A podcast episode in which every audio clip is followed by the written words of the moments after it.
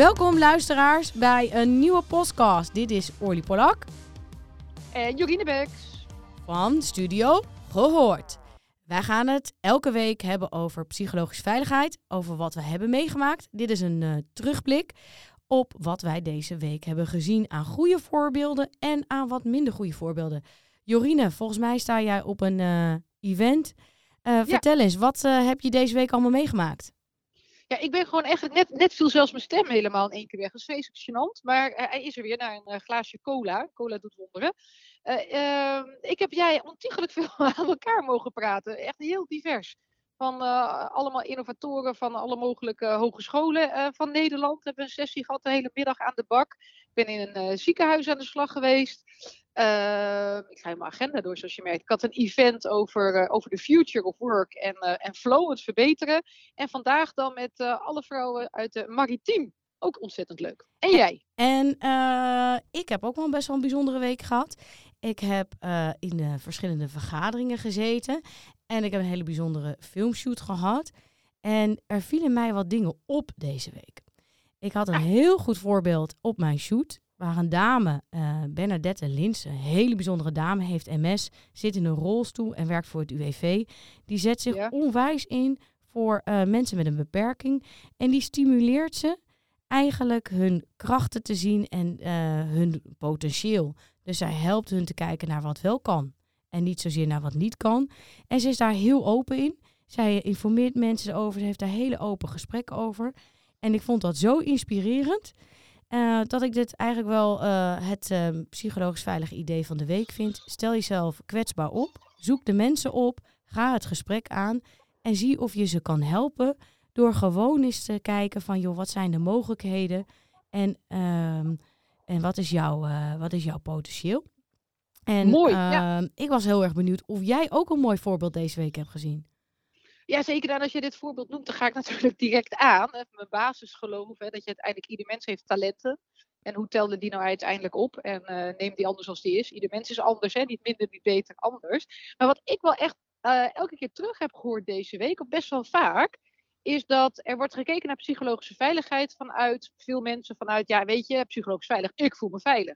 En als ik dan vervolgens de vraag stel, oké, en de rest van je team, dan hoor je nog net niet, weet ik veel, maar toch best wat fronsende hoofd. Dus wat mij erg opvalt, valt, en dat was vandaag trouwens ook, bij al die vrouwen bij elkaar, dat dat nog wel eens wordt overgeslagen. Dus psychologische veiligheid, dan gaat er niet over of ik me veilig voel, maar dan gaat er ook over of jij je veilig voelt. En dan gaat er ook over of ik jou de ruimte geef, dat je kunt aangeven dat je je wel of niet veilig voelt. En, eh, en vice versa. Dat, dat vond ik eigenlijk wel weer eh, frappant deze week. Vertel eens, heb jij een eh, persoonlijke ervaring die je graag wil delen? Ja, nou ja, weet je, ik ben ook maar gewoon een mens, hè. En, eh, en dat betekent ook dat ik me ook niet altijd veilig voel. Net zo goed niet. En het, het blijft ook altijd blijven ermee bezig. En hoe ga je ermee om? En gek genoeg had ik dat vandaag met al die vrouwen. En je zou eigenlijk denken, met al die vrouwen bij elkaar, dan voel je je juist veilig als vrouw. Tenminste, dat vooroordeel had ik. Positief vooroordeel.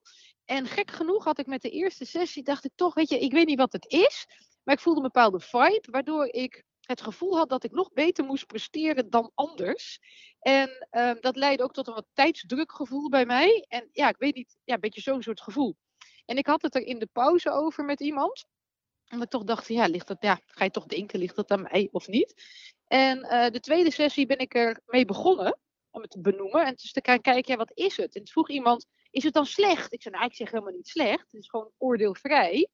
Ehm, en dat, dat is een bepaald gevoel, een bepaalde vibe we met elkaar een beetje gaan verkennen. Weet je, zou het misschien kunnen komen doordat in zo'n, dat wij echt gewoon zijn de, de high potentials, om zo te zeggen, binnen de maritieme sector. Allemaal vrouwen die toch misschien wat hebben meer moeten boksen om op die posities allemaal te komen.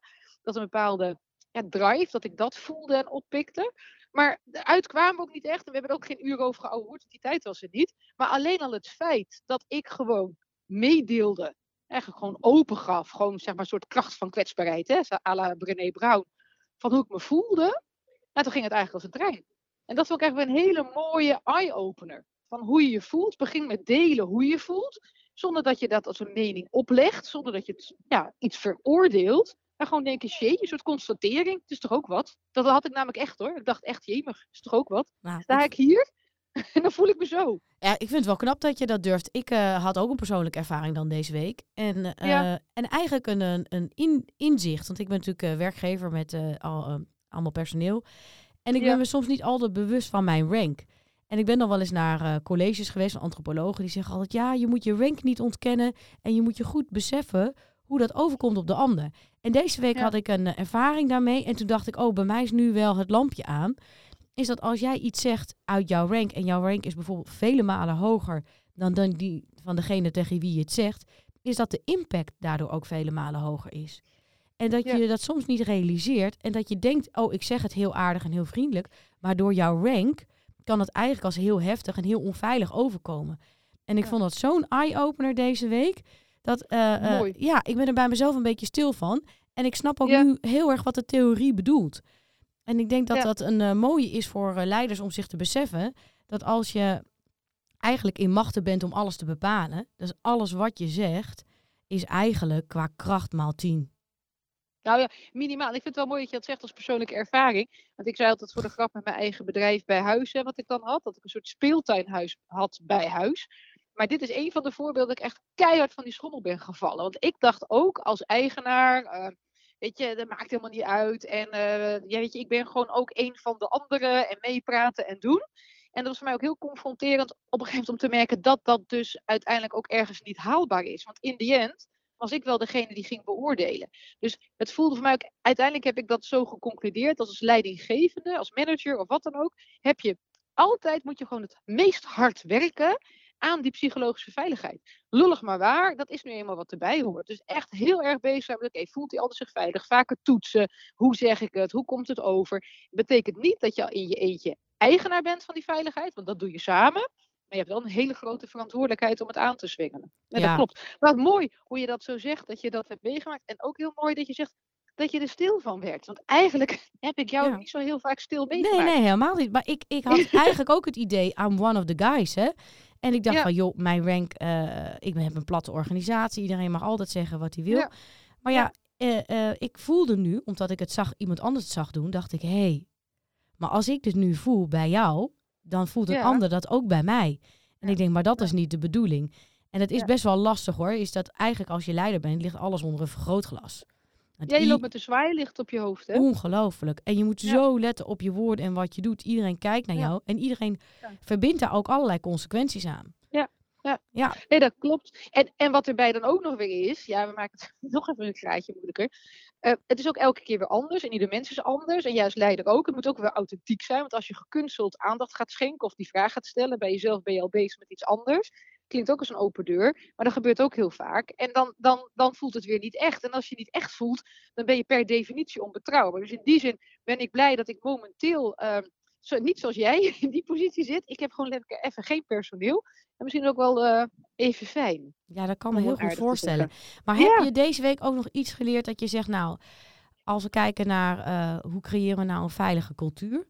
ehm, dat je zegt, nou, dit was een interventie die deze week voorbij is gekomen. Dat ik dacht, nou, dit wil ik gewoon echt even delen met mij. Of, en dan wil ik namelijk ook eentje met delen met jou namelijk. Nou, die, ehm, waar ik zelf, wat, wat ik terugkreeg, was tijdens een, eh, eh, een sessie, die kan ik gewoon open vertellen, met al die HBO-innovatoren. en ik begin dan heel vaak met wat vragen en meer soort over de streep gedachten. En er was iemand die ook echt deelde over buitengesloten voelen. En ik was oprecht, leefde ik mee. En, ehm, en dat, dat is dan niet echt een bewuste interventie, maar gewoon vanuit jemig, jemig, dat is wel heel heftig. En toen kreeg ik aan het eind dus terug van een van die deelnemers, dat hij daar echt wel door geraakt was en heel bewust was geworden, wat dus oprechte aandacht, en het hoeft dus niet lang te zijn, maar gewoon oprechte aandacht, wat voor impact dat heeft op de mens zelf en de mensen eromheen. Dus die vond ik wel, eh, ja, dat was ik wel echt wel, eh, Grappige week. ja, ja, ja, en aan de andere kant weet ik ook, dat, heb, dat is weer mijn aard, dat, dat, dat merk ik nu ook nu ik het hardop hier zo zeg.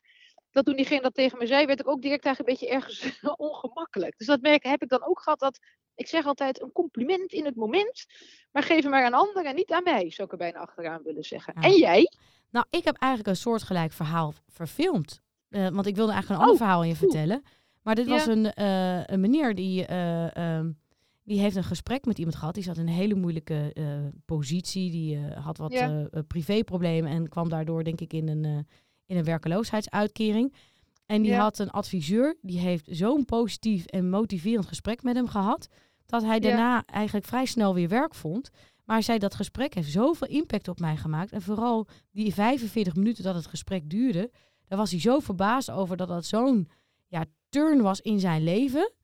En Ja. dat hij op zo'n andere manier naar zijn toekomst is gaan kijken, is dat hij eigenlijk zelf nu ook dat soort gesprekken met mensen voert. Oh, wat mooi. En ik vond dat zo, ja, zo bijzonder dat je in 45 minuten toch het verschil kan maken. En heel veel mensen denken, nou dat kan helemaal niet. Maar ik heb nu zoveel mensen deze week geïnterviewd die zeggen dat kan wel. Ik maak wel het Ja. verschil in dat gesprek door te laten zien, ja, en eigenlijk een andere toekomst, een ander Ja. perspectief. Ja. En, eh, en dan ga je ook andere dingen doen. En je weet natuurlijk, een van mijn one-liners is natuurlijk, in iedere interactie kun jij een positief verschil maken. Helaas ook een negatieve, maar daar hebben we het nou niet over.